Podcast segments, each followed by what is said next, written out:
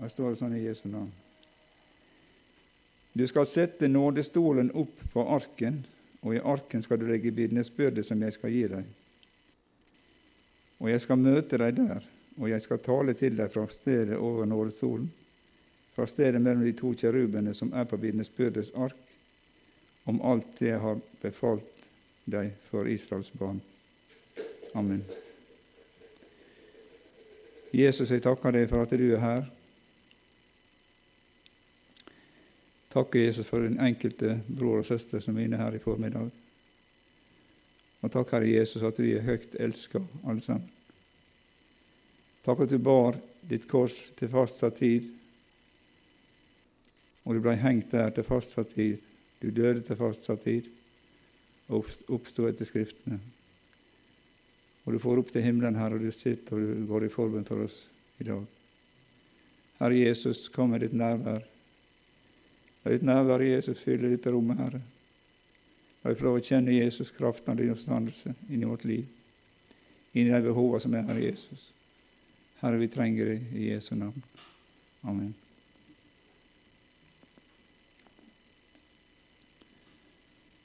Jeg vet ikke hvor det er med deg, men jeg må ha litt skrivelser i tillegg til Bibelen for å huske det jeg skal si. I Første Mosebok så leser vi det at Gud skapte mennesket i sitt bilde og forkynte råderett over det skapte. Men vi kjenner til historien, vi som sitter her i dag, at mennesker begynner å stille spørsmål ved det som Gud har sagt. Og De gikk til og med i dialog med djevelen og tenkte dette her skal jeg teste ut. Har Gud virkelig sagt? Kan det være så nøye? Og så vet jeg at resultatet ble brudd i kommunikasjon med Skaperen. Og ikke bare brudd, men det ble fiendskap mellom Gud og mennesket. Det som de gjorde, de tok av det forbudte frukt. Og Gud drev dem ut fra hagen etter å ha forkynt for dem hva som var status. Men det som var det forferdelige her, det var jo at djevelen hadde fått planta sin ondskap ut blant mennesker. Og Det gikk ikke lang tid faktisk for at en familie fikk oppleve tragedien det at en bror tok livet av en bror. Der var synda kom inn. Men vi leste i lag denne her teksten fra andre Mosebok som er en del av historien etter utgangen fra Egypt. Og etter undra som Herren gjorde ved, ved og uten Moses og Aron, så vet dere at det, det siste Gud gjorde, var at han slo i hjel alle førstefødte i Egypt. Og da var det bare å få det av sted, få dem ut, og de for ut og begynne å gå. Og Gud førte dem gjennom Det røde hav. Han ga dem manna til mat i ørkenen, og han kløvde klippen og ga dem vann. Og nå er vi der at Gud har oppretta ei pakt med Moses og folket på Sinai. Lovbuda de forkynte. Blodet har blitt stenka på folket og på alteret. Seremonien er utført. Men så er det at Gud er ikke fornøyd med dette. Han sier at jeg vil ha en helligdom og være iblant dere. sier Jeg vil ha en helligdom inn, inn i deres sammenheng. Og Så begynner han å fortelle Moses hva de skal, hvordan de skal gjøre det. De skal lage en helligdom for meg, sier han, så jeg kan bo iblant dem. Og Så begynner Moses da å be, om, be folket om gull og sølv til dette her. Og Det som er veldig interessant, er at det første som skal lages, det er ei ark. Ei ark skal, der Skriftene skal være. Og vi vet at det Senere så var det også dette her med en skal, romme vitnesbyrdet, krukke med manna og Arons Stavsar som hadde. Og oppå paktens ark skulle nådestolen med to stykker kjeruber stå. Og det her Gud sier følgende til Moses.: Du skal sette nådestolen opp på arken, og i arken skal du legge vitnesbyrdet som jeg skal gi deg. Og Jeg skal møte deg der, og jeg skal tale til deg fra stedet over nådestolen. Forstår du hva han sier her? Jeg skal tale til deg fra stedet over nådestolen. Vitnesbyrdet, Skriftene, loven lå der, men over loven så var nådestolen. Tenk på det. Nådestolen. Der vil jeg tale til liksom. sa han. Talt bare ut ifra Skriftene, så hadde det vært døden for deg. Men han talte fra over nådestolen. Og Denne setninga syns jeg er veldig sterk tale. Den viser faktisk ikke bare til det som er uttalt der, men den viser framover til det som skulle skje på Golgata. Velsigna med vann. Og og vi lever vi lever i ei tid etter at forsoninga er oppretta, ved Jesu Kristi kors. Og vi har fasiten så langt historien har gitt oss. Og eh, Hold fast på dette her ordet, at jeg skal, skal tale til dem fra stedet over nådestolen. Jeg skal møte deg der, sånn. Jeg skal møte deg der. Jeg skal tale til deg der. Ifra. Da Jesus satt sammen med disiplene sine og delte nadverden før han skulle dø, så sier Jesus dette er den nye pakt i mitt blod. Den nye pakt. Og Vi synger i sangen 'Løftenes pakt har nå avløst den gamle'. Og Vi skal lese sammen i Romerne 3. Og der er ikke bare det, er ikke bare det positive som står.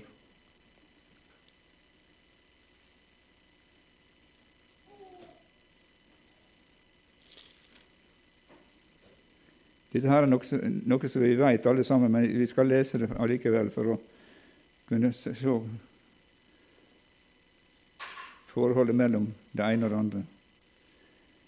Romerne 3, fra vers 10 til 20. Som det står skrevet, det er ikke én rettferdig, nei, ikke en eneste en. Det er ikke en som har forstand, det er ikke en som søker Gud. De er alle bøyd av, alle sammen er de blitt fordervet. Det er ingen som gjør godt, nei, ikke en eneste. En åpnet grav er deres strupe, med sine tunger har de utført svik. Slangegift er deres lepper, deres munn er full av forbannelse og bitterhet. Deres føtter er snare til å utøse blod, det er ødeleggelse og elendighet på deres veier. Og fredens vei har de ikke kjent, og det er ingen gudsfrykt for deres øyne. Men vi vet at alt det loven sier, taler den til den som er i loven, for at hver munn skal bli lukket igjen, og at det for hele verden skal stå straffeskyldig for Gud. Siden intet kjød blir rettferdiggjort siden intet kjød blir rettferdiggjort for ham av lovgjerninger, for ved loven kom en erkjennelse av synd. Guds rettferdighet blir gitt ved tro alene. Og da er vi ned på 21-26. For, for, uh, Unnskyld. Det er Guds rettferdighet til tro på Jesus Kristus til alle over alle som tror, for det er ingen forskjell. For alle har syndet og har mistet Guds ære. Men de blir rettferdiggjort ufortjent av Hans nåde ved forløsningen, den som er i Kristus Jesus. Og så hør her. Ham stilte Gud fram som en nådestol. En nådestol ved troen i Hans blod, for å vise sin rettferdighet fordi Gud i sin modighet hadde vært over med synder som var gjort tidligere. Slik vil han vise sin rettferdighet i den tiden som er nå, så han kunne være rettferdig og rettferdiggjøre den som har troen på Jesus. Altså en nådestol ved troen. Det kommer nådestolen igjen. Jeg bruker å si det når vi har sånne små, små samlinger og sånn, og vi skal be for hverandre, så setter jeg fram en stol. Du kan sette deg i nådestolen, så skal vi be for deg. Er det sånn fint uttrykk? Nådestolen. Ordet nåde. Der det skjer til forsoning.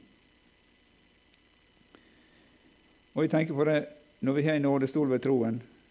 Hvor er det Gud taler ifra i dag? Jeg skal møte deg der, jeg skal tale til deg fra stedet over nådestolen. Det er Golgata kors. Det er Golgata kors. Der er det Gud møter oss. En nådestol ved troen. Vi tror på det Gud har gjort, tror på det Jesus har gjort. Derifra taler Gud i dag. For Vi leser også at tro på den Herre Jesus, så skal du bli frelst. Og Som jeg siterte i stad, så Paulus han sa de ville ikke vite noe annet iblant enn Jesus Kristus og han korsfesta. Han var der i svakhet, i frykt, denne mannen som var så lærd og kunne så mye, men han var avhengig av Guds nåde.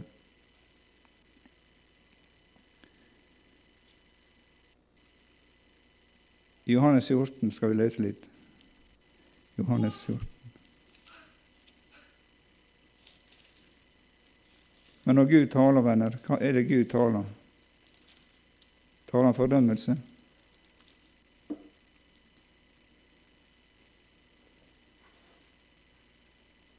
Hva sa Jesus før han for til disiplene? Min fred gir jeg dere, ikke en fred som verden gir. Det er fred ved Hans blod på korset. Jeg vil tale til deg der, jeg vil møte deg der, å bruke dette uttrykket. Jesus sier fred være med dere. Og Gud han gjorde slik at han eh, eh ordna seg ei menighet, pinsefestens dag, Den hellige ånd falt, og menighetens fødsel. Der fikk mennesker Den hellige ånd. Og I Johannes 14 så leser vi Vi skal sitere det som står her. Jeg vil be Faderen han skal gi dere en annen talsmann, for at han skal bli hos dere til evig tid. Sannhetens ånd som verden ikke kan få, siden den verken ser ham eller kjenner ham. Men dere kjenner ham, og han blir hos dere og skal være i dere. Jeg skal ikke la dere bli igjen som farløse, jeg kommer til dere. Altså Jesus han sa det en plass. Offer og gaver, syndoffer, og det ville ikke du ha, med et legeme laget for meg. Han kom fra Guds vilje. Men det var ikke bare lege med menigheten, men det er lege med den enkelte av oss. Jeg og du som kristne fått pant til Den hellige ånd, og der er det Gud møter oss, der er det Gud minner oss. Der er det Gud forteller at Hør her, Ola og Kari, for å bruke det uttrykket. Jeg elsker deg. Jeg elsker deg slik som du er. Jeg elsker deg med alle dine feil, dine mangler, alle dine brist, alle dine ting som du har opplevd. Jeg elsker deg slik som du er. På korset så sa Jesus det er fullbrakt, det er ferdig. Jesus døde til fastsatt tid for det ugudelige. Vi har et tomt kors, vi har et tom grav, men vi har en himmel der Jesus er og taler over sak. Og Jeg vært inne på det før her. Det er noe som alltid kommer inn når vi snakker om dette her. Det er da Stefanus ble steina, den første matyr. Hva leser vi der? Jesus han sto og venta på Stefanus. Han hadde reist seg i himmelen. Du kan lese det sjøl. Han sto der og venta på den første matyr.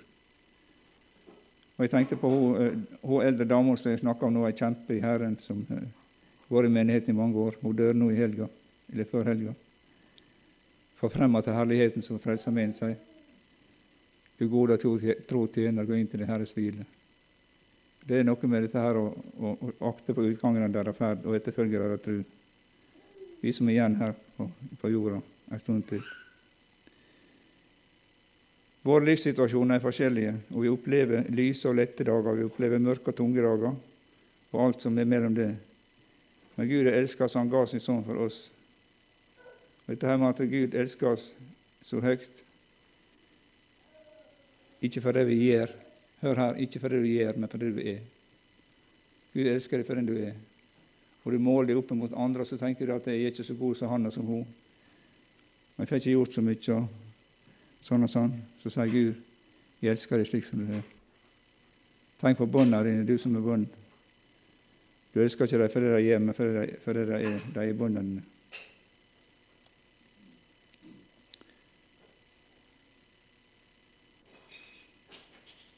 I denne sammenhengen har jeg lyst til å si litt om et forslitt uttrykk, tida vi lever i.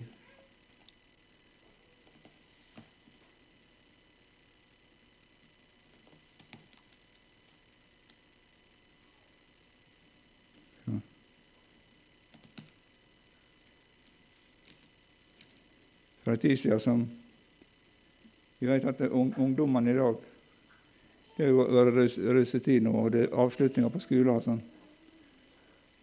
Så er det mange ungdommer som sliter med i forhold til dette her med å klare dagen, klare samfunnet, klare skolen. Prestasjonsangst. Og For en tid ikke så lenge tilbake så var jeg borti en sammenheng der en 13 år gammel gutt ikke fant livet verdt å leve. 13 år. Han hadde skrevet avskjedsbrev til mamma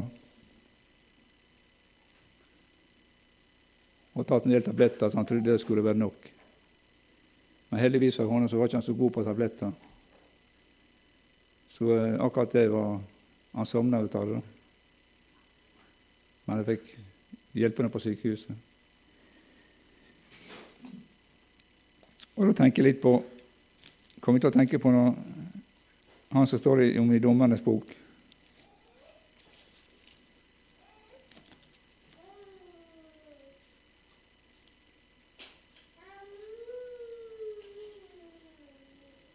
Han Gideon.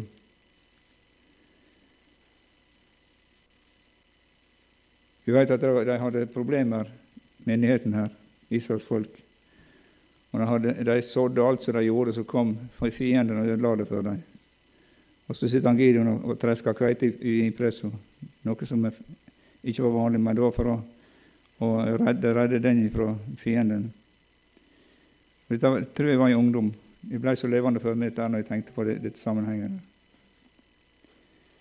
Og så kommer engelen og så sier han det, Gud er med deg, du djevle kjempe. Så sier han men at er Gud med oss? Hvorfor har dette skjedd oss? Og hva er den Gud som de eldre snakker om? Og det er det jeg tenker på, at vi må fortelle ungdommen det at det er håp. Det er hjelp å få. Alt faller ikke og, og, og, og, står med dine karakterer på skolen eller andre ting. Og Det var ikke, det var ikke spesielle ting med den gutten som, som, gjorde at han hadde Men det var bare han, han orka ikke å leve lenger. Det var så mye krav. Det var så mye krav. Og jeg tenker at Her har vi en jobb å gjøre, venner, som, som voksne. Vi har vært inne på det før her også. Jeg, bruker, for jeg, jeg jobber i skole og vet hva ungdommen sliter med. Så sa han, han Gideon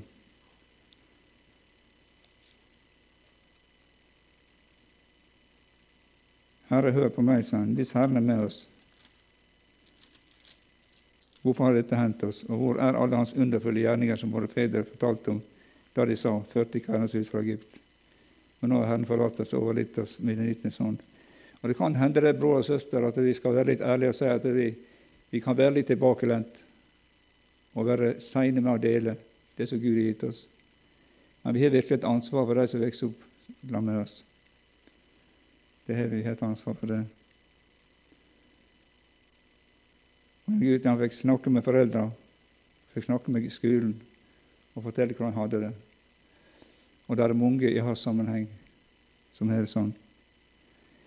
Men han Gideon han fikk oppleve at eh, han gikk på det som Gud viste ham, det som Gud talte til ham. Og vi vet at han, han uh, fikk utgjøre en forskjell også i heimen sin. Det første han gjorde, var å fare hjem og rive ned gudene til faren. Den hellige ånd i oss. Og Jeg tenker at jeg kjenner for min del at en trenger å få fornya samfunnet med Gud. Fornya samfunnet med Den hellige ånd. At ikke vi kjenner at det, det spiller ingen rolle liksom hvor det går. Vi har min trygghet i min bibel, og, og har våre måter å gjøre det på. Men Gud han spør er du villig da jeg med meg få bruke deg. Er du villig å gå veien med meg? Han Gideon fikk oppleve at Gud gjorde under. Starta med 30 000 mann. Tenkte at dette skal gå veien. Så sa Gud at det er for mye folk. Så enda med 300. Det var underets Gud som gjorde seieren for ham. Hvor er den Gud som våre fedre snakker om? Og Jeg tror ungdommen spør hva er den Gud som du snakker om, mamma og pappa, bestemor og bestefar. Hva er Guden som vi snakker om? Er han reell for deg? Ikke bare et minne.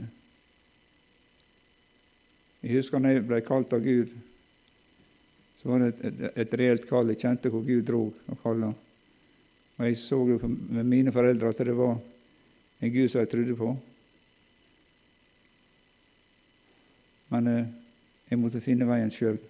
Det står med en annen ungdom i Bibelen som heter Samuel. Han fikk en, en guiding fra presten. Hvis du hører snakker til deg igjen, så skal du si 'Tal, her, din tjener hører'. Dette her må kunne fortelle ungdommen at det, det er en levende Gud som bryr seg. Og den personen som jeg snakker om, som, som døde nå i menigheten hjemme hun var i et bønnesammenheng 17. mai sammen med ei søster i menigheten. Og Søstera som var sammen hun sa jeg har aldri hørt henne be på en sånn måte. sa hun. Så det er akkurat som Gud var inne med en sånn, en sånn fornyelse før hun skulle reise. Gud er god. Og Gud er ikke en sånn som liksom går inn og ut og Ja, i dag har det vært dårlig, så i dag er det ikke så bra. Men Gud elsker deg slik som det er. Så sa han, kom, gutten min, jenta mi. Kom og sitt på mitt fang og kjenn min omsorg.